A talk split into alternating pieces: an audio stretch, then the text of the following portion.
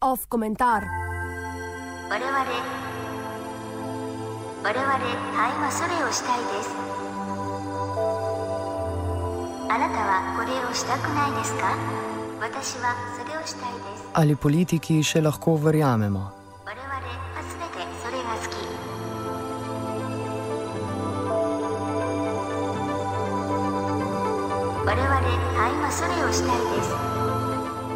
Slovenska politična scena je pretekli teden z ustanovnim kongresom stranke Verjamem dosegla novo dno.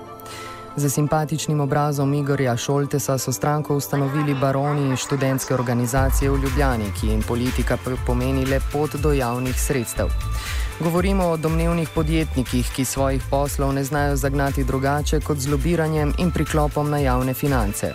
Njihova politična veščina je pri tem omejena na letenje pod radarjem pravnih mehanizmov te naše državice, ki je menda tako majhna, da konflikt interesov v njej ne obstaja. Saj na javnem razpisu ali izbiranju ponudb prav težko najdeš nekoga, ki s teboj ni klientelno povezan.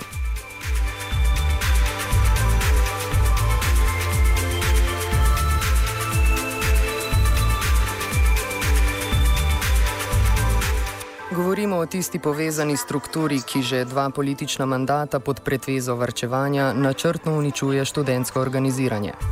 Njihov kredo se je najbolje prijel na ekonomski fakulteti, kjer je voljivce moč pridobiti z malce, malce kulture prestiža in nekaj razbacanimi tipi in prsatimi hostesami, ki fakulteto prečešejo s floskulami tipa mi smo kul, cool, oni ta drugi pa so zelo pokvarjeni in nimajo pojma. Politični program ni nekaj, kar bi voljivci brali ali volili, saj sveta preproščina študentov še vedno kupuje pop kulturo mafijskih filmov in močnih posameznikov s ponudbami, ki jih ni mogoče zavrniti. Za kvalifikacijo levičarja je menda povsem dovolj, da nasprotuješ Janezu Janši in da vsaj na deklarativni ravni nimaš homofobnih izpadov, ki sicer povsem očitno vrejo pod mišičasto zunanjost tvojih operativcev.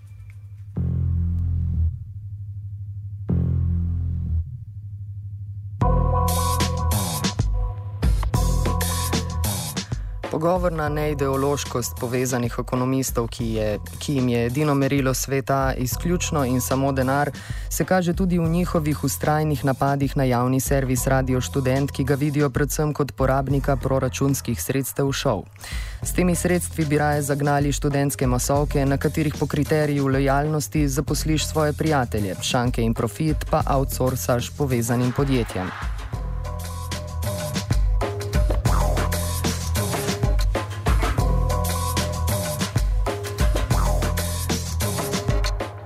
Neideološkost svojega vrčevalnega pohoda proti javnim servisom pa še poudariš z oportunim povezovanjem z neonacističnimi elementi.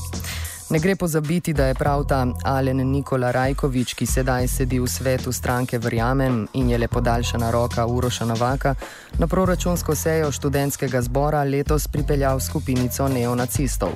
Svojo odločitev pa na to pred več očivici zagovarjal kot ideološko uravnoteženje, saj so podporniki Radia Študent menda radikalni levičari. Da, to so tisti fanti, katerih ideološke kategorije so tako preproste, da je z njimi mogoče socialiste in nacionalsocialiste pospraviti v isti predal. Saj so menda oboji samo kolektivisti.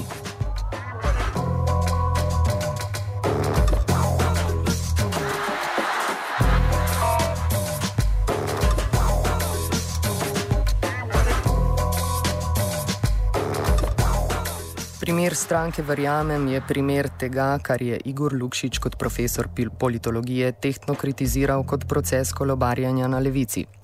Stari liberalci iz tranzicijske levice na volitvah menjajo svoj politični označevalec, pri čemer so jih polna usta povezovanja raznorodnih interesov onkraj domnevno zastarelih ideoloških kategorij. Pri tem se sploh ne trudijo, da bi svojo stranko upeli v kakšen političen koncept, ampak štartajo le na dobro ime protagonista, za katerim se lahko skrivajo interesno usmerjeni posamezniki, ki, ki so v svoji politični karieri počeli prav to, kar je Šoltes kot predsednik računskega sodišča želel preprečevati.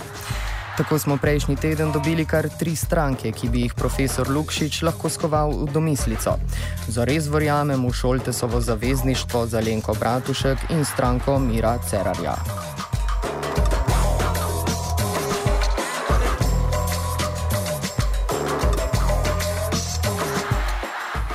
Ergo.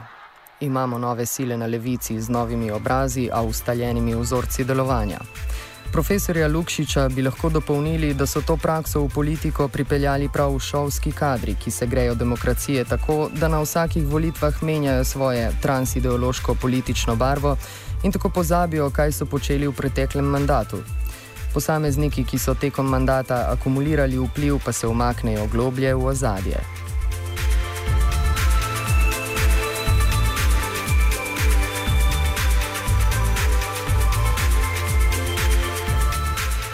Primer, verjamem, ni samo primer ponesrečene izbire imena za domnevno levo stranko.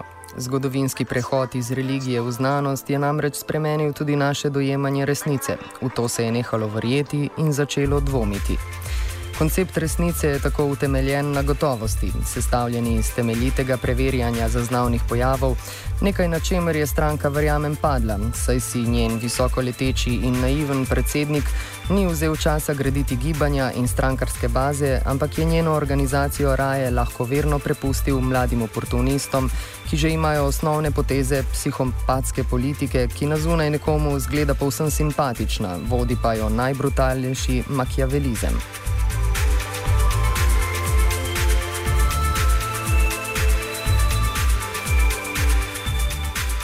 Če slednje drži, ne sme biti presenetljivo, da Igor Šoltes ni seznanjen s članstvom in razmeri moči v lastni stranki, da med drugim sploh ne ve, kdo je Uroš Novak, ki na stranko vpliva preko svojega lojalnega operativca Rajkoviča, a ima hkrati dovolj moči, da kot drugo nosilko Šoltesove liste za Evropski parlament nastavi svoje dekle, Katarino Košak. Šoltes je pri tem toliko nekritičen oziroma neveden, da odkrito prizna, da se je za prvo nosilca liste nastavil zgolj za boljši volilni rezultat. Vreči karto Pahor in predčasno odstopiti Evrops kot evropski poslanec je vedno bilo na delovni mizi. To pa hkrati pomeni, da v Evropski parlament pod, vpliv, pod vpliv premožnih lobistov pride Košakova, ki minevajoč mandat ušel kot pomočnica na resorju za študijsko problematiko, ni spisala drugega kot svojih mesečnih poročil o delu.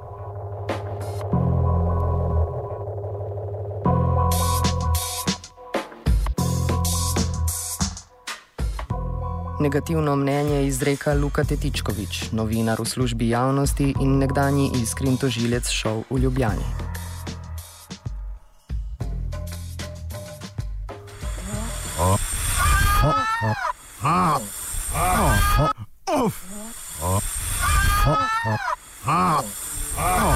Off komentar.